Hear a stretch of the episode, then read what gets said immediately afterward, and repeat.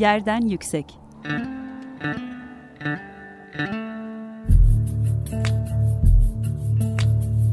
Kentin kent aşırı gündemi. Hazırlayan ve sunanlar Gizem Kıygı ve Mehmet Kentel.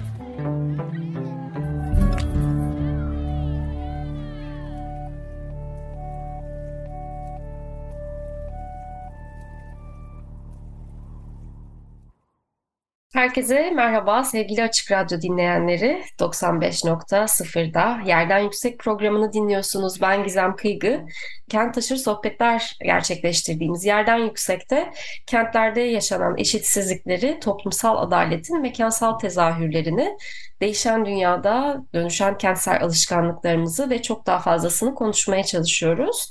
E, kentin kent aşırı gündemini tuttuğumuz yerden yüksekte tabii ki kente çevresel yaklaşımlar ve yine ekoloji pratikleri e, programımızın ana konularından bir tanesi. Yıl sonu programında sevgili Mehmet Kentel'le birlikte sözünü ettiğimiz çok taze bir e, kitap var. Ekoloji Birlikte Yaşamın Geleceği. E, Mine Yıldırım ve Didem Bayındır'ın e, editörlüğünde, değerlemesinde e, Tellek'ten e, çıktı ve e, gerçekten e, çok fazla sayıda yazarın e, pratikleriyle, düşünceleriyle içinde yer aldığı, e, hepimizin e, takip ettiği e, güçlü teorisyenlerden çevirilerin de yer aldığı e, kapsamlı bir yayın. E, bu yayın açık radyo programlarında zaman zaman konuşuluyor. E, bu akşam bizim programımızdan önce gerçekleşen e, başka e, programlarda da e, yer e, aldı. E, böyle değişik programlarını Açık Radyo'da e, takip ederek kitap hakkında farklı tartışmaları da e, takip edebilirsiniz. E, hem Açık Radyo sitesinden hem podcast e, yayınlarından e, diyelim. Ve e, sözü daha fazla uzatmadan ben e, konuklarıma merhaba diyeyim. Mine Yıldırım ve Didem Bayındır bugün bizlerle birlikte. Hoş geldiniz. Hoş bulduk. Hoş bulduk, merhaba. İkisi de aslında e, bu alanda araştırmacı olan e, çok kıymetli e, iki yazar, e, editör bizimle birlikte e, ve çok aslında geniş bir konuya bakan e, hacimli de bir kitap ekoloji, birlikte yaşamın e, geleceği. E, biraz böyle e, klasik sorularda şey oluyor yani hani kitap fikri nasıl doğdu, nasıl e, işte evrildi, nasıl karar verdiniz gibi. Ama biraz böyle şey e, tersten tutalım istiyorum. E, çok konuşuyoruz çünkü ekoloji meselesini. Zaten Açık Radyo e, bu konuda çok hassas ve aktivizmini de yürütüyor aslında bu çeşitli yayınların. Ee, belki böyle bir dönemde e, böyle bir kitabı derleyerek ne umduğunuzu, nasıl bir hayal kurduğunuzu e, sorarak yola başlayayım. E, Didem, sen yanıtlamak ister misin? Senden başlayalım mı? Tabii seve seve. Ee, böyle bir meselenin e, çok boyutlu dinamikleriyle ele alınmasını hedefledik aslında. Yani ekolojik kriz e, ve e, yıkım, e, tahribat gezegenimizin en acil sorunu. Ve bu anlamda ne kadar her birimizin farkındalığa sahip olduğu ile ilgili bir süredir soru işaretleri vardı kafamızda. Covid-19 pandemisinin de çok hızlandırdığı bir aslında yeniden kendimize bakış süreci de e, bunun dahilinde. Çünkü e, nihayetinde hepimizi evlere kapandıran ve böyle yaşam e, üzerine hiç düşünmediğimiz kadar e, bir arada yaşama, başkaları, işte ölümler, başka türler, e, iklim krizi, e, biyoçeşitlilik üzerine çok daha yoğun düşünmenizi gerektiren bir süreçti. Dolayısıyla o süreç aslında bu çalışmayı birazcık hızlandırdı diyebilirim. Ee, dolayısıyla biz de hani bugün bizi bu noktaya getiren e, dinamiklerin geçmişine, bugününe ve geleceğine bakmak istedik. O yüzden de böyle bir e, derleme e, e, hazırlama yoluna girdik. Tabii bence en önemli e, reflekslerden bir tanesi de senin programa girerken söylediğin aslında eşitsizlik, adalet meselesi ve mekan. E, bizim de kitabımız özelinde yani yeryüzü mekanında korkunç eşitsizliklerin ve adalet sorununun yaşandığı bugün, geçmişten gelerek bugün e, nerelere bakmamız gerektiğine dair bir e, aslında sorunsallaştırma e, içeriyor bu kitap. Tabii iklim krizi üzerinden ve hayvan hakları üzerinden e, ve canlı cansız yeryüzündeki tüm varlıklar üzerinden bunu değerlendiriyor ama eşitlik, eşitsizlik, adalet, adaletsizlik ve mekan e, sorunsalı aslında e, her alanda yani özellikle işte ilişkiler, ekonomik ilişkiler, toplumsal ilişkiler, insan doğa ilişkisi gibi e, alanlarda kendini çok gösterdiği için sadece iklim meselesi değil bu aslında. İnsanın doğayla e, ve yeryüzüyle kurduğu bağın ne tür bir e, resme sahip olduğuna bakan ve bu konuda da bir takım geleceğe yönelik şimdiden başlayarak e, pratikler geliştirmeyi hedefleyen bir kitap. E, tamamen bu amacı taşıyor aslında. Ee, şeyi çok önemli buluyorum. Yani ekoloji çok büyük bir alan. Ee, ama kitabın başlığında ekoloji iki nokta üst üste dedikten hemen sonra birlikte yaşamın geleceği e, o kitabı gerçekten çok iyi tarifleyen bir e, başlık olduğunu düşünüyorum bunun. E, ve o birlikte yaşamı gerçekten insan merkezlikten çıkarmaya yönelik e, pratiklerin çok derinleştirildiği, e, müştereklerin daha e, belki e, insan olmayanları e, kapsadığı bir e, çizgi vermesi açısından çok kıymetli. Mine senin eklemek istediğin, e, eklemek istediklerin var mı?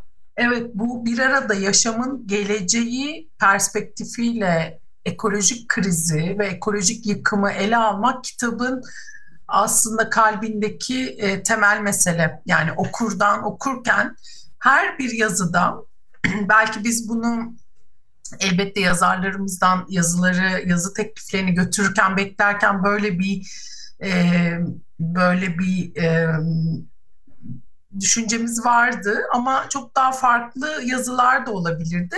Yani biz çok sevinerek görüyoruz ki kitaptaki bütün yazılar aslında bu bir arada yaşamın geleceğini nasıl kurabiliriz? Yani sadece yıkım, ekolojik tahribat değil, farklı açılardan, farklı disiplinlerden nasıl e, bu yıkımı ele alabiliriz ve her zaman bir yeniden e, başka bir gezegende değil, bu gezegende e, tahribatı ve kayıpları e, üstlenerek, sorumluluk alarak nasıl e, insanın Didem'in dediği gibi doğayla, yeryüzüyle, yer küreyle ve mekanla, her zaman yerle, yer demek başkası demek, başka canlılar demek. Her zaman başka canlılarla, canlı ve cansız varlıkla paylaşıyoruz. Bir ilişkilenme ağının içerisinde yeryüzünde yaşıyoruz bu ilişkilenme ağını bu kadar tehdit altındayken, varoluşu, geleceği tehdit altındayken yalnızca bir el freni çekmek değil, bir enkazın altına girerek aslında nasıl sorumluluk alarak bir arada yaşamı e, nerelerden kurabiliriz? Bunun işaretleri neler? Bu bir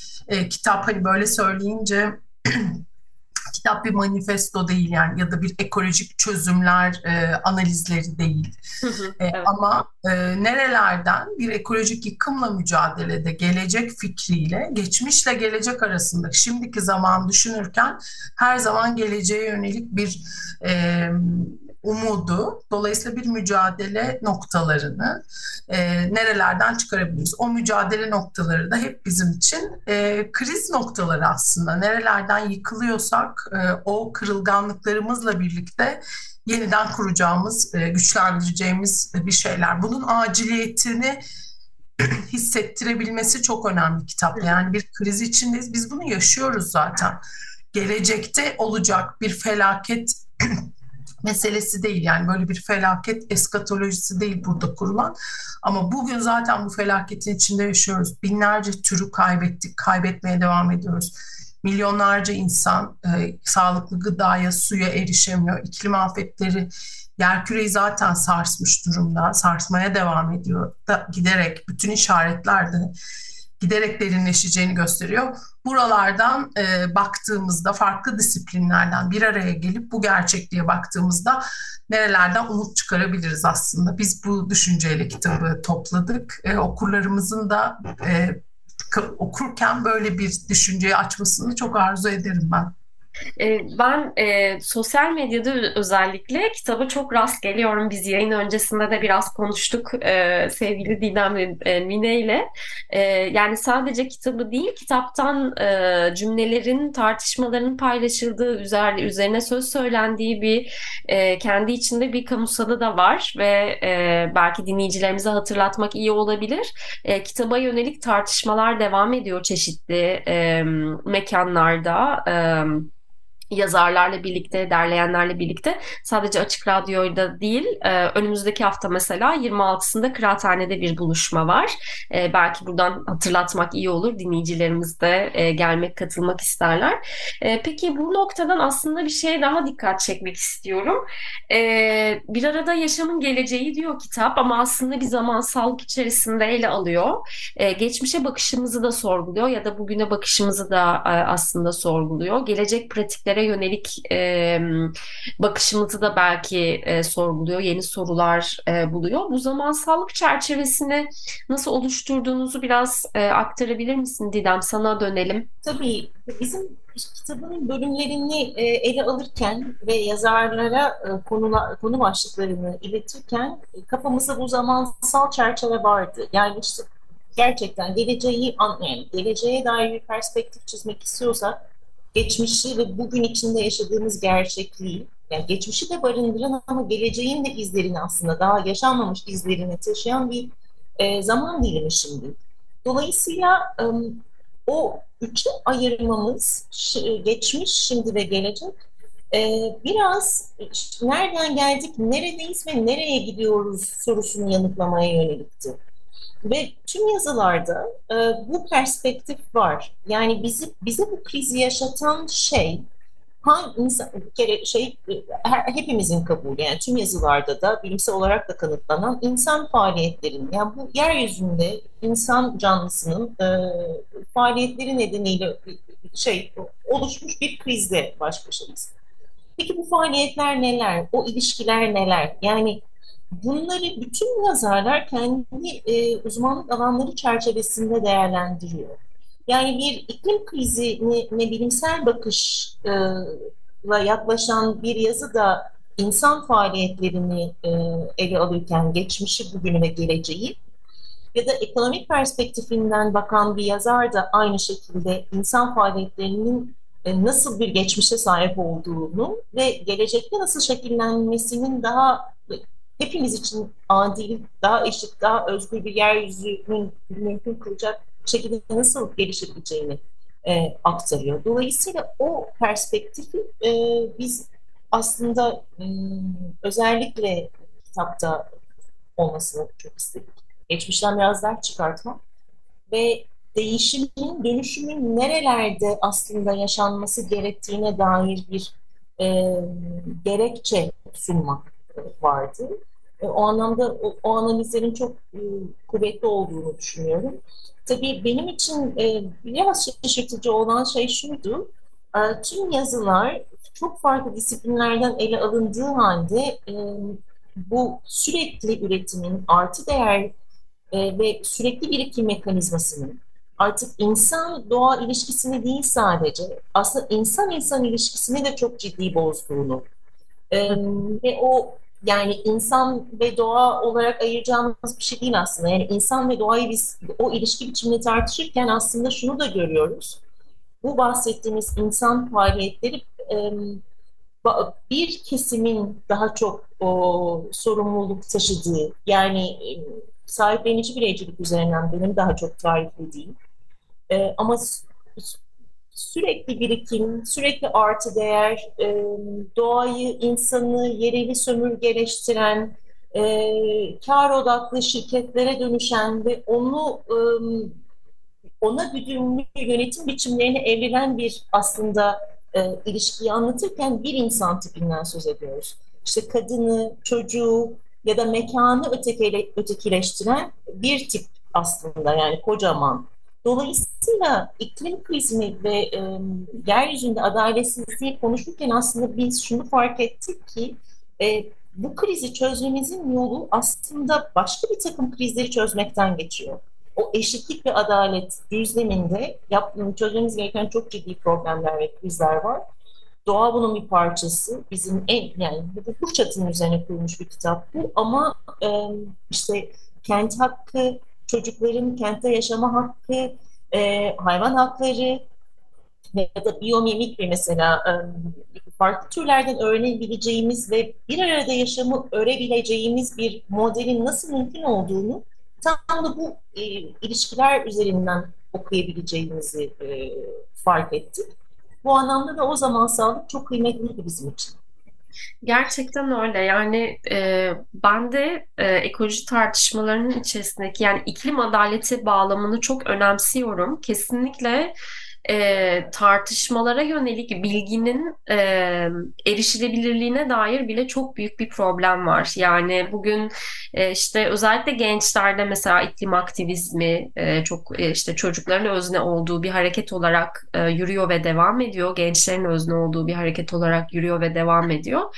Ama aslında bundan en fazla etkilenecek olan e, kesimlerde yaşayan e, çocuklar, sosyoekonomik arka planda yaşayan çocuklar, gençler bu bilgilere erişemiyorlar. Çünkü bir dilinizin olması lazım ya da e, o bilgiye erişebilmek için bir bilgisayarın olması lazım ya da çalışmadığı bir e, vaktinin olması lazım e, gibi. E, bu da gerçekten çok katmanlı bir sorun ve adalet tartışmalarından bağımsız bir şekilde gerçekten yürütmekte çok mümkün bana da görünmüyor. E, kitapta bu bağlamı bence e, pratiklerle de çok güçlü bir şekilde veriyor. Buradan yine sana döneceğim. Ee, biraz e, açık radyo dinleyicileri de e, yerden yüksek müdavimleri özellikle Mine ile bizim daha önceki programlarımızı da biraz e, hakimler biliyorlar. E, Türkiye'de pratikler var. E, iklim adaletini de merkeze alan, daha hayvan haklarını merkeze alan, birlikte yaşamı e, örmeye çalışan, e, bunun e, yollarını, yöntemlerini aramaya çalışan bir takım pratikler var. Kitapta da bu pratikler de e, yer alıyor ve aslında e, onlar da bir takım sorular soruyorlar e, okura, bizlere, herkese, kendilerine de. E, sen e, kitaptaki toplamdan e, biraz böyle Türkiye'deki pratiklerin e, tartışma alanlarını böyle birkaç başlıkta özetleyebilsen bize onlar neler olur?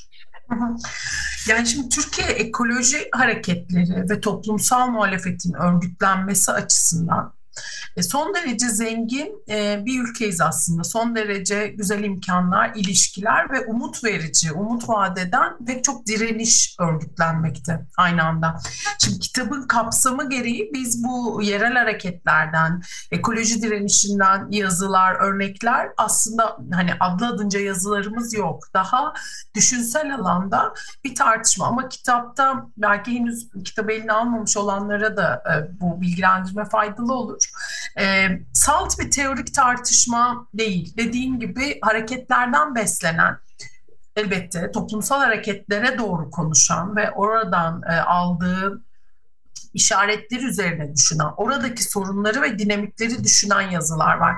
Örneğin e, soruna cevap vermek gerekirse e, örneğin iklim krizi yazılarında bir tür e, iklim krizi siyasetinin de yani yalnızca o az önce konuştuğumuz iklim krizini oluşturan o arka plandaki krizler, çoklu krizlerin analizi değil. Aynı zamanda hareketlerin ne boyutta bu meselenin iklim krizi örneğinde geldiği noktanın iklim krizi siyasetinin ne noktalarda bir açılım sağladığı ne noktalarda tıkandığı da ele alınıyor. İklim krizi örneğinde hepimiz biliyoruz artık 2030'a kadar e, bu treni bile kaçırmış durumdayız. Dünyanın ısınmasını yerkürenin bir buçuk dereceyle sınırlayamayacağımızı ve bütün felaketlerden haberdarız. Artık e, pek çok yerde görüyoruz da bunun artarak devam edeceğini biliyoruz. Ama yine de bireysel, toplumsal ya da siyaset oluşturmada, söylem oluşturmada bu aciliyeti göremiyoruz eş zamanlı. Niçin göremiyoruz gibi bir tartışma var örneğin. Ya da adil dönüşüm derken yani adalet meselesiyle dönüştürmemiz gerekiyor. Hem bir aciliyet, ekolojik yıkımın aciliyeti ama dönüşümün de mutlaka temkinli, ihtimamlı ve e, bu bir dönüşüm, e, bir zaman alabilecek bir dönüşüm. Bu tansiyonları ele alan yani kitaptaki toplumsal mücadelelerin umuduyla yazılan ve umuttan beslenen yazılar var. Ama bu e, körü körüne bir iyimserlik değil. Dolayısıyla o çok önemli bizim için. E, hayvan hakları gündeminde de bunu hep söylüyoruz. Belki e, bu kitabın bir özelliği de geleneksel olarak e, ekoloji mücadelesi ya da kitaplarında hayvan hakları meselelerini çok görmeyebilirsiniz. Çok evet. bir döneme kadar kan uyuşmazlığı bile vardı. Hayvan hakları savunucuları da ekoloji hareketinle hep bir ilişki içerisinde. Benim kendi araştırmam, aktivizmim, savunuculuk deneyimimle de hep bir araya getirmeye çalıştığım ama artık Türkiye'de pek çok benim dışında pek çok insanı düşünürün kitabımızda yer alan ve almayan pek çok e, düşünürün, araştırmacının bir arada düşündüğü bir mesele. Artık biz hayvan deyince şehri düşünüyoruz. Yaban deyince şehirlerin büyümesini düşünüyoruz. Yaban hayat deyince pandemiyi düşünüyoruz.